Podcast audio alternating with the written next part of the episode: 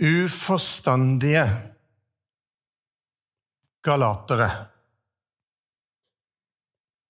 Hvem har forheksa dere? Det skulle tatt seg ut om jeg kom på et søndagsmøte eh, her i Elvebyen familiekirke og begynte med å si 'uforstandige drammensere'. Hvem er det som har forgjort dere, eller forheksa dere? Paulus i Galaterbrevet er knallhard og tydelig og direkte. Nesten så direkte at en kan lure på alt i all verden at han tør.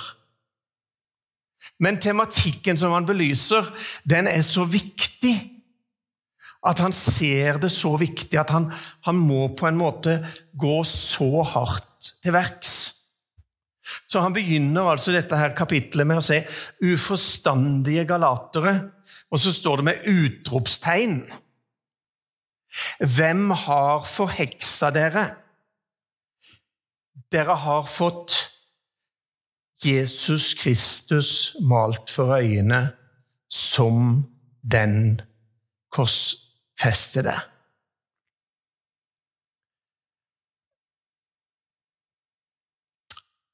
Hva er det som egentlig er problemet her? Hva slags forhekselse er det som har skjedd? Hvem har forheksa dere? Altså Galaterbrevet Når vi leser Galaterbrevet i sin helhet, så ser vi at det er en ganske tydelig gjennomgang. Mange steder så kommer det igjen og igjen at Paulus han er litt oppgitt over at det han har forkynt, og det han har forkynt, og det han har forkynt, og det han har forkynt, som han har understreka igjen og igjen og igjen, det går de vekk ifra så fort de får en annen påvirkning. Og at menigheten skal være så lett påvirkelig, det ser det ut som at frustrerer apostelen Paulus ganske mye. Og hva handler det om? Jo, det handler jo om at Paulus har kommet til hedningene, eller folkeslagene, som vi snakker om på søndag.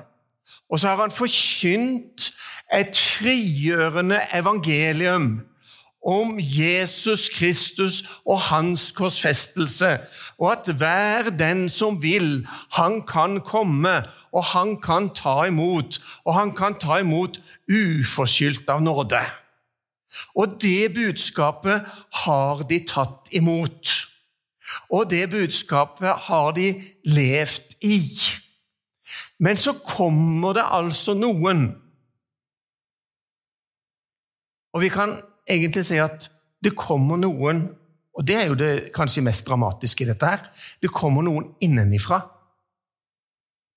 Vi er ofte som menighet redd for alt som skjer utenifra, og all påvirkningen utenifra. Men når vi leser dette her i Galaterbrevet, eh, så handler det om påvirkning som egentlig kommer innenifra. Og som forvirrer, og som skaper uro på veldig mange måter. Han bruker et kjempesterkt uttrykk når han snakker om forhekselse.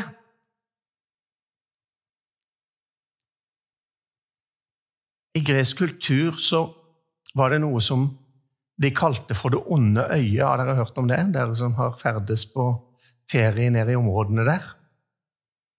Og dette onde øyet var en del av kulturen som skapte frykt, for de trodde at det onde øyet kunne forhekse dem.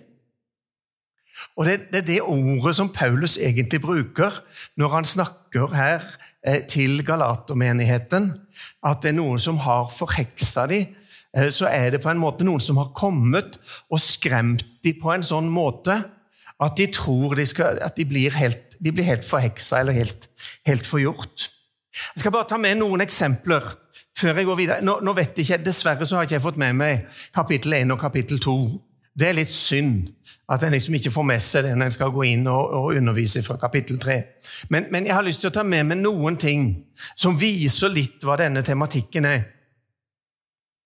I det første kapittelet så, begynner, så skriver Paulus Allerede der så ser han ifra vers 6. Det undrer meg at dere så raskt vender dere bort fra Han som har kalt dere ved Guds nåde, til et annet evangelium. Men det finnes ikke noe annet. Det er bare noen som forvirrer dere og vil forvrenge Kristi evangelium. Altså Helt i starten av brevet så, går, så er han i kampmodus. Og så ser han det at det, det er noen som kommer og forvirrer dere, og de forvirrer dere med å forvrenge evangeliet. Og så forkynner de der et annet evangelie, selv om det ikke, faktisk ikke finnes noe annet evangelie. Det finnes bare ett sant evangelie, og det er det sanne, frigjørende evangeliet som Paulus gjennom hele Galaterbrevet kjemper for. Og så er det disse motkreftene som hele veien prøver å komme inn. Og Det er ganske, det er ganske interessant ordbruk synes jeg, når han sier det er noen som forvirrer dere og forvrenger. Hvem er det som har forheksa dere? Hvem er det som forvirrer og forvrenger? I det andre kapitlet så sier Paulus i vers 12 det er, en, det er en helt spesiell sammenheng jeg skal nevne så vidt den nå. Men så ser han bare her For det kom noen fra Jakob. Altså, forvirringen kommer fra Jakob. Hvem er Jakob? Jakob er Jesu kjødelige bror.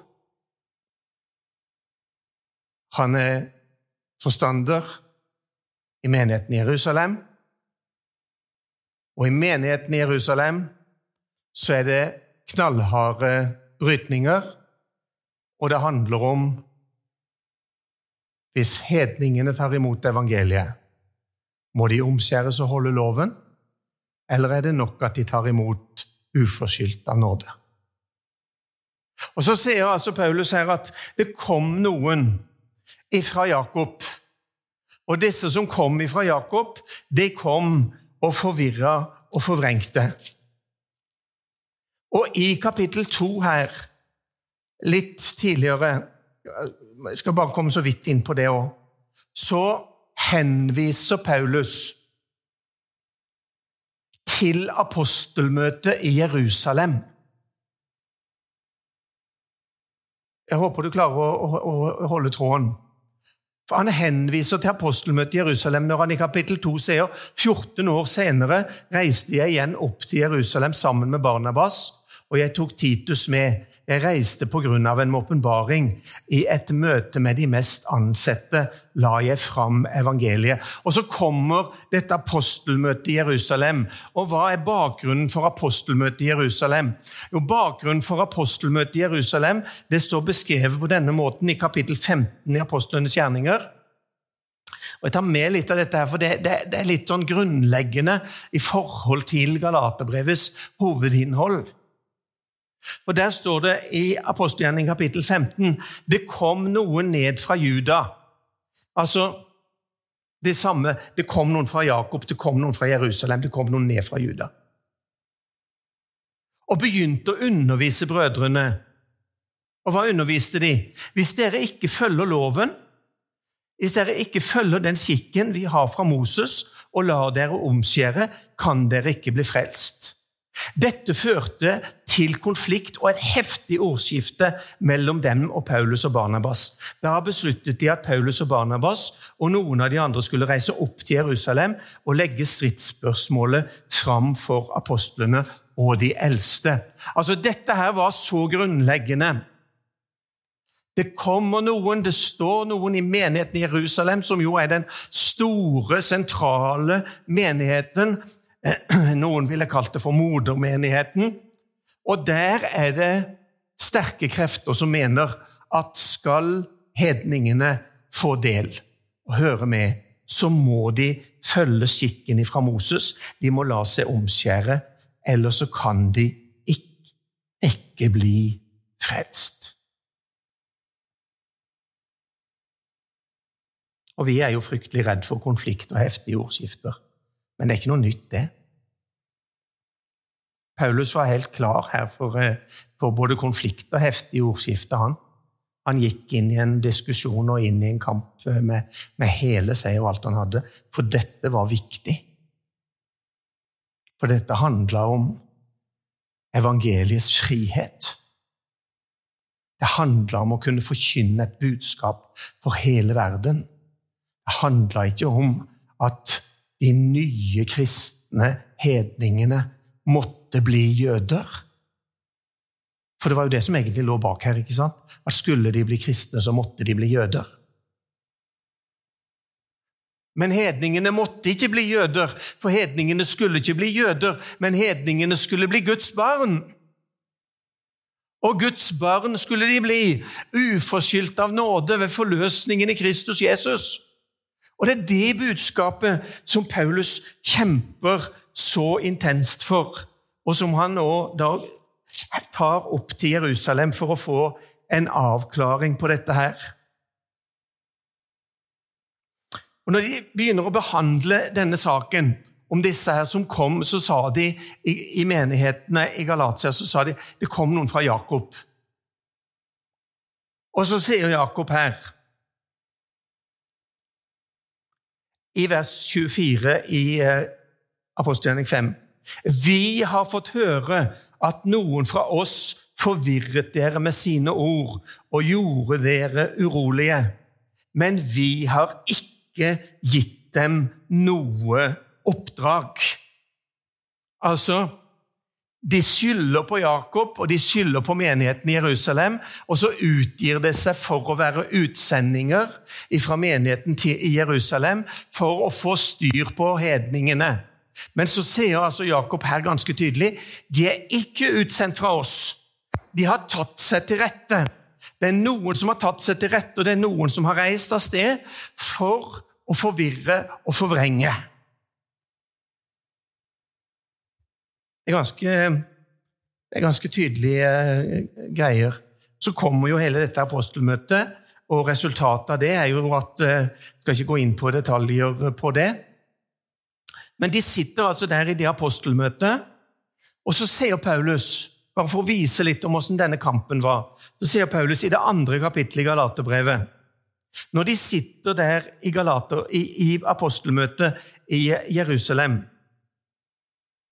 så sier han i vers 4 dette kravet kom fra noen falske søsken som hadde sneket seg inn for å spionere på den friheten de har i Kristus Jesus, så de kunne gjøre dere til slaver.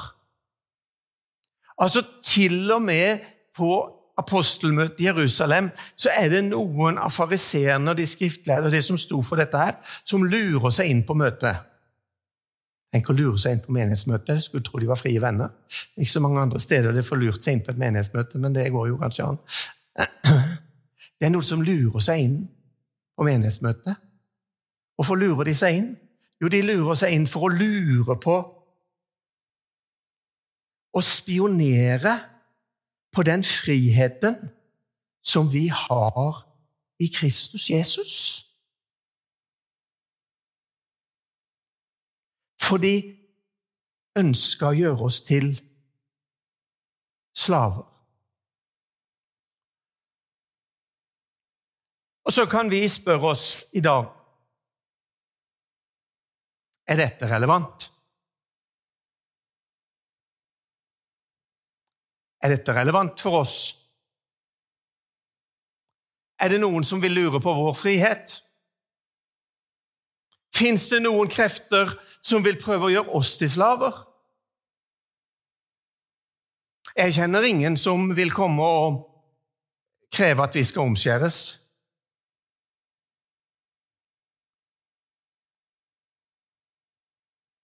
Jeg kjenner heller ikke så mange som vil komme og hevde tungt at vi må gå inn og prøve å holde hele Moseloven.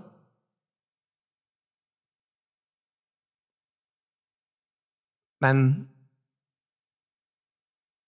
dere får jo unnskylde meg hvis dere syns det er nødvendig.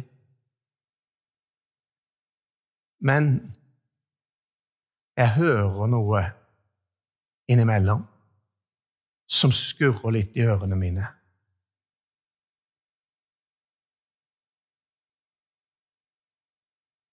Og noe som jeg kjenner på at her er det noe som lurer på vår frihet. Her er det noe som på en eller annen måte vil gjøre oss til slaver.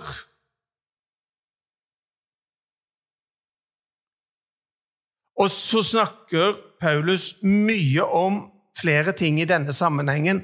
Han snakker om å bli fri, han snakker om å bli fri fra lovens forbannelse. Men i, i romerbrevet så snakker han om at vi ble fri fra syndens og dødens lov. Og i det fjerde kapittelet her så snakker han om altså i Galaterbrevet, Nå går jeg litt fort, så nå kan jeg ta noe som en annen kommer til å ta etterpå. Men, men i kapittel, nei, vers 8 i det fjerde, i fjerde kapittelet så ser han den gang dere ikke kjente Gud, var dere slaver under guder som ikke virkelig er guder. Men nå når dere kjenner Gud, ja, hva mer enn det, når dere er kjent av Gud, hvordan kan dere da vende tilbake til disse svake og fattige grunnkreftene. Altså, Igjen så er det dette her som Paulus sier, at ja, men dere har fått Kristus malt for øynene som korsfesta. Og det har jammen dere òg. Så frimodig ser dere å være. At gjennom mange år, dere som sitter her i kveld Gjennom mange år så har dere fått Kristus malt for øynene som korsfesta. Og fått malt budskapet om Kristi forsoning og fått malt budskapet om at han gjorde det fullkomment. Han gjorde det helt. Det er fullbrakt. Ingenting kan legges til, ingen kan trekke noe ifra. Du kan ikke med all din anstrengelse legge til en millimeter eller føye til noe som helst som kan gi deg ekstra gunst eller noe hos Gud. Dere har fått Kristus malt for øynene som korsfesta. Men kjære dere, har jeg holdt på forgjeves?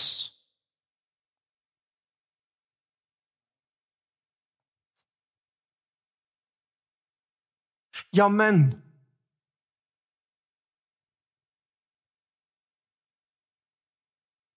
Vil dere vende tilbake? Til disse svake og fattige grunnkreftene? Vil dere slave under dem igjen? Og hva snakker han om da? Jo, da ser han videre. Dere holder nøye regnskap med dager og måneder, høytider og år. Jeg er redd for at jeg har strevd forgjeves med dere. Altså, hva er det dere holder på med, folkens? Her har vi forkynt Kristus og Han korsfesta, og et fullkomment og fullt og helt evangelium i årevis. Og så plutselig så kommer det noen, og så forteller de dere at det som vi har forkynt, det er ikke bra nok. Dere trenger noe annet. Dere trenger noe til. Dere må gjøre litt, grann, i alle fall. Dere må bidra med noe. i alle fall selv. Dere gjør jo altfor lite. Dere må i alle fall anstrenge dere litt for å oppnå noe litt mer. Uforstandige drammensere, hvem har forheksa dere? Dere som har fått Kristus malt for øyene som korsfesta. I, i, det, I det syvende kapittelet i Markus evangeliet så, så går Jesus i rette med apostlene, med, med fariseerne og de skriftlærde. Og så sier han I det tredje verset i det syvende kapittelet i Markus evangeliet så sier Jesus For fariseerne og jødene For fariseerne og jødene i det hele tatt spiser ikke før de har helt en håndfull vann over hendene, i lydighet mot overleveringen fra de gamle. Og når de kommer fra torget, spiser de ikke noe uten at de har tatt et renselsesbad. De har også mange andre skikker som de har overtatt og overholder, som å dyppe krus og kar og kopperkjeler i vann. Derfor spurte fariseerne og de skriftlærde han, hvorfor følger ikke disiplene dine disse overleveringene fra de gamle? Da svarer Jesus i vers 7.: Forgjeves styrker de meg, fordi det de lærer, er menneskebud. Dere har forlatt Guds bud, men holder fast ved menneskers overleveringer. Og han sa til dem, ja, dere får det fint til. Dere avskaffer Guds bud og innfører deres egne overleveringer. Dere uforstandige rammensere, hvem har forgjort dere? Ser dere tegninga? Altså Her tar Jesus tak i alle disse her eh, diffuse og adiafora, heter det på et fint ord. Alle disse her spørsmåla ikke sant, som veldig mange av oss har hørt mye om. Alt vi måtte, og alt vi ikke måtte. Alt som var lov til, og som ikke var lov til. Jeg pleier å se det et enkelt eksempel at mora mi hun kunne ikke strikke på søndag, for det var, det var synd, men hun kunne løse kryssord. Jeg snakka noe om dette her på et møte for ikke så lenge siden et annet sted. Og så, når jeg var ferdig, så ga de åpent for frie vitnesbyrd. Og så kom det fram ei dame og så sa hun det at syntes det var, hadde vært flott å høre på. sånn da. Det er jo fint når folk ser det. Det, de gjør godt det for en selvopptatt predikant. Får noen gode tilbakemeldinger. Eh, så hun syntes det hadde vært fint og godt. Så sånn. Så sa hun her for ikke så lenge siden så, Jeg har fortalt hun hadde vært syk. da. Hun sa For lenge siden så fikk jeg en time, en legetime, på en søndag. Og så tenkte jeg Kan jeg ta det? Det er jo på en søndag. Og så tenker hun også Plutselig så går det opp for henne. Ja, men Jesus helbreder på sabbat. Skjønner dere tegninga? Hva dette handler om? Det handler om at vi har fått Kristus malt for øyene som korsfesta. Og det gjelder ingenting annet enn Jesus Kristus og han alene. Det handler ikke om alt det andre, men det handler om Jesus Kristus og han alene. Og så har jeg brukt fryktelig lang tid på dette her nå, men eh, eh akkurat som jeg tror Det er jo svært å sammenligne seg med Paulus, da. Men eh, akkurat som Paulus så brenner jeg litt for dette her. Fordi at jeg opplever at mange kristne mennesker i dag lever i en eller annen form for trelldom. Det er mange kristne mennesker i dag som ikke er fri til å nyte livet i Kristus, for de skal prestere så innmari mye. Og hvis ikke de klarer å prestere alt det de syns og andre syns, eller de sjøl syns og andre syns de skal prestere, så får de dårlig samvittighet, og så fordømmer de seg sjøl. Og så lever de under fordømmelse på en helt unødvendig måte. Men til frihet har Kristus frigjort oss. Stå derfor fast, og la dere ikke igjen legge under trelldommens åk. Du vinner ingenting på å slite deg ut men du vinner på å nyte Guds nåde. Jeg må gå videre, da. Jeg skal jo gjennom kapittel tre. Nå har jeg brukt en halvtime på dette. her.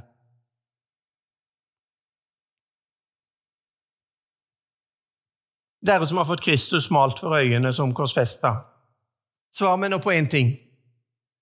Fikk dere Ånden ved lovgjerninger eller ved å høre og tro? Er dere også er dere så uforstandige? dere begynte ved ånden, vil dere nå fullføre ved kjødet? Har dere opplevd alt dette forgjeves, hvis det da var forgjeves? Litt oppgitt, Paulus. Jeg snakka med en sånn litt oppgitt Yngvar her nede før vi begynte i stad. Han var litt oppgitt, for det var noen som hadde surra noen ledninger der nede med miksebordet på en måte som ikke han var helt fornøyd med. Og så sier han til meg at 'Jeg har sagt det så mange ganger.' Jeg har sagt det så mange ganger at ikke de skal gjøre det sånn, men så gjør de det sånn allikevel. Altså, så sier jeg har, jeg, har jeg holdt på forgjeves?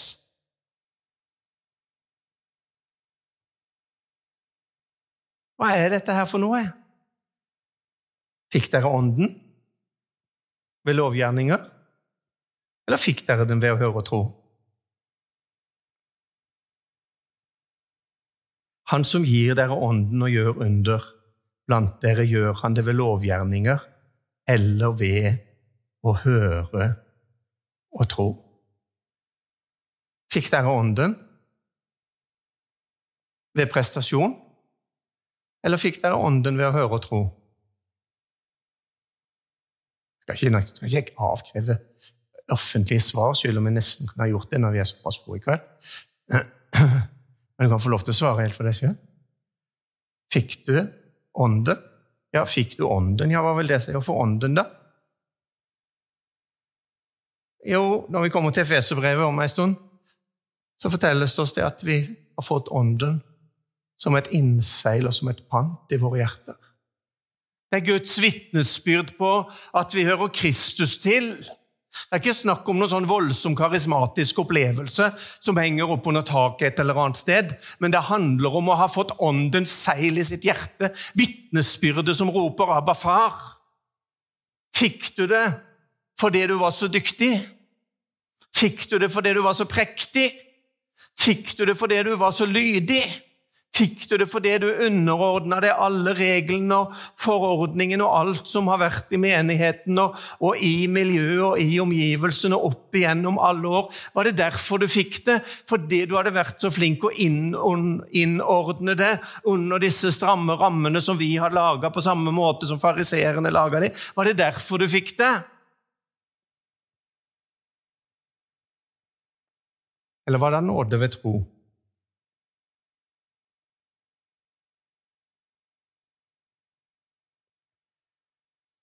Paulus er, han er skarp, og jeg har eh, kanskje også blitt tolka for å være skarp likevel. Eh, men dette ligger meg også på hjertet.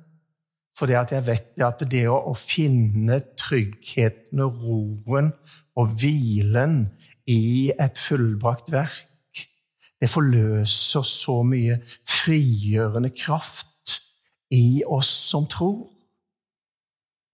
Det er noen som tror det at et frigjørende evangelium,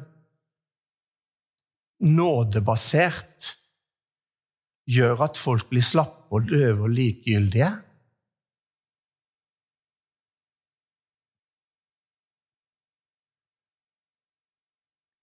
Men når du får Kristus malt for øynene som den korsfestede, så kjenner iallfall jeg i mitt hjerte at jeg elsker fordi han elska meg først. Og så kjenner jeg, som Paulus sier, Krist i kjærlighet. Ikke bud og krav.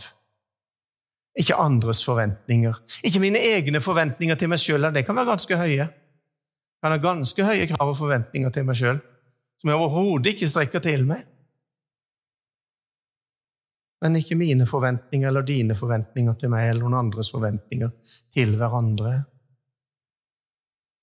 Men Kristi kjærlighet tvinger meg, fordi jeg har sett den oppstandende.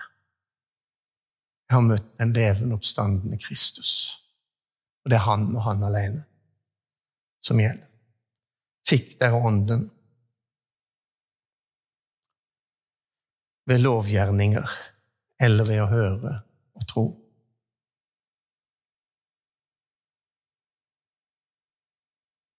Klarer dere fem minutter til? Eller ble det meste laget, dette? jeg, jeg, tror jeg får prøve å holde på i fem minutter til, og så, og så eh, skal vi se hvor langt vi kommer neste time. Nå kommer Abraham. Altså Nå begynner Paulus å bruke eksempelet med Abraham. Eh, og det er jo strategisk av Paulus da, å bruke Abraham som eksempel. For det at eh, var det noen det sto respekt av i det jødiske miljøet, så var det Abraham. Han var liksom utgangspunktet for alt. Gud kalte ut Abraham fra Ur i Kaldea, ikke sant? Eh, og så ble han på en måte stamfar til alle sammen som kom etterpå. Eh, og så har det nå snakka mye om Moses, og Moses er vel og bra, men Abraham kom jo lenge før. Så når, eh, når Paulus her trekker fram Abraham, så er det et helt sånt bevisst strategisk trekk for å fortelle at det var noe som skjedde før loven. Det var noen som hadde et forhold til Gud før loven, Abraham trodde Gud. 430 år før loven så trodde Abraham Gud. Det er ikke så lett for oss med sånn tidsregning. ikke sant? Vi leser Bibelen, og så leser vi gjennom noen kapitler eh, i løpet av en halvtimes tid, en times tid, og så, og så, tror vi at alt skjer sånn, sånn, sånn, og så kan det kanskje være 100 år imellom begivenhetene. Eh, så det er ikke så lett alltid for oss å få den der tids, eh, tidslinja på det. Men, men det, det, ligger noe i det som Paulus her bruker Abraham.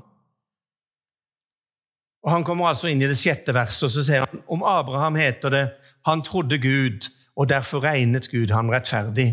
Så forstår dere at det er de som tror, som er Abrahams barn. Skriften forutså at Gud vil rettferdiggjøre hedningene ved tro, og den forkynte på forhånd dette gode budskap til Abraham. Igjennom deg skal alle folkeslag velsignes. Derfor blir de som tror, velsignet sammen med den troende Abraham. Dette er jo midt inne i det vi snakka om på søndag. Ikke sant? Men de som holder seg til lovgjerninger, er under forbannelse. For det står skrevet:" Forbannet er hver den som ikke holder fast ved alt som står skrevet i lovboken, og gjør det den sier. Og det er klart at ingen blir rettferdig for Gud ved loven. For det står skrevet:" Den rettferdige skal leve ved tro.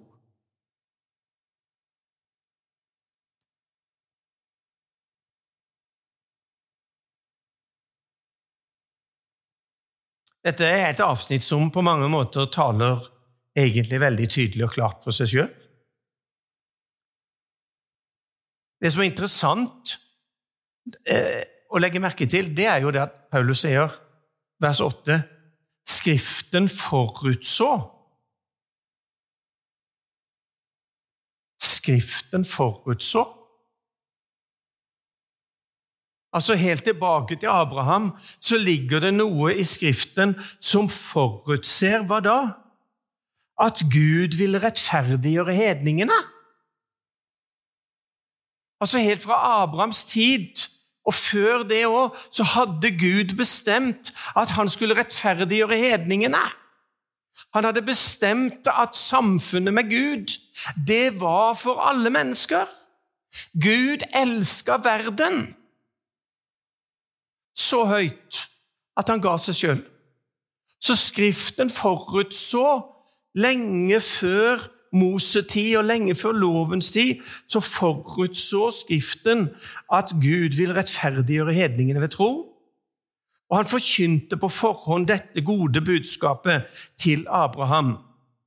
I deg skal alle folkeslag velsignes. Og så leste vi jo på søndag at denne Abrahams velsignelse den er at vi ved troen skulle få Ånden. Derfor blir de som tror, velsignet sammen med den troende Abraham. Paulus sier altså ingenting om at noen blir velsigna ved Moses eller ved loven. Men han sier at folk blir velsigna ved troen, sånn som Abraham ble velsigna ved at han trodde Gud, og det ble regna han til rettferdighet. Og så er det ganske dramatisk når Paulus, og for så vidt Bibelen ellers òg, eh, når den snakker om disse begrepene, så bruker den begrepene velsignelse og forbannelse. Og så ser han egentlig at enten så er du under velsignelse, eller så er du under forbannelse. Enten så tilhører du et velsigna, frigjort folk. Vi er et folk, et frigjort folk som hører Herren til. Fordi at vi er født til frihet. Det står noe om det i kapittel 4, om, om Abrahams to sønner. ikke sant? Om den ene som ble født, og som føder barn til trelldom, og den andre som ble født ifølge løftet, og som føder barn til frihet. Og dere er ikke etterkommere av trellkvinnen, men dere er etterkommere av den frie kvinne. Så dere er den frie kvinnes barn. Her er det mange ting, dere, eh, på en gang. Eh, så vi er født til frihet, og derfor er vi et velsigna folk. Men det som vil holde seg til lovgjerninger, står det her, de er under forbannelse.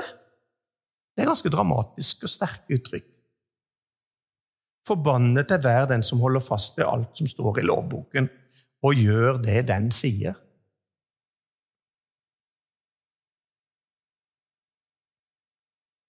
Og det er klart at ingen blir rettferdig for Gud ved loven.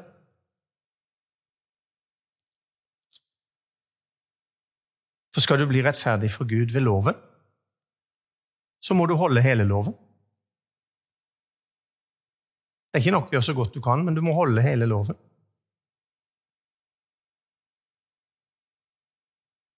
Og Paulus er vel den eneste som har vært nærmest kanskje i sin bekjennelse når han sier det at han talte om sitt eget liv før han møtte Jesus. Så sier han, ulastelig for loven. Det er gutten sin. Det er prektig kar. Ulastelig for loven. Men så får han møte Jesus, og så får han møte Guds nåde. Og så ser han alt det som var, alt det som jeg hadde. Jeg akter for søppel. Det er ingenting verdt. Alt det jeg hadde prestert, alt det jeg hadde prøvd å få til, alt det jeg hadde bygd opp. All min egen sølvrettferdighet, all min fariserisme, alle mine gode gjerninger. Alt sammen. Det er bare søppel, alt sammen. Det har ingen verdi mot det å finnes i Han. Halleluja og finnes i ham. Uforskyldt av nåde. er det som betyr noe.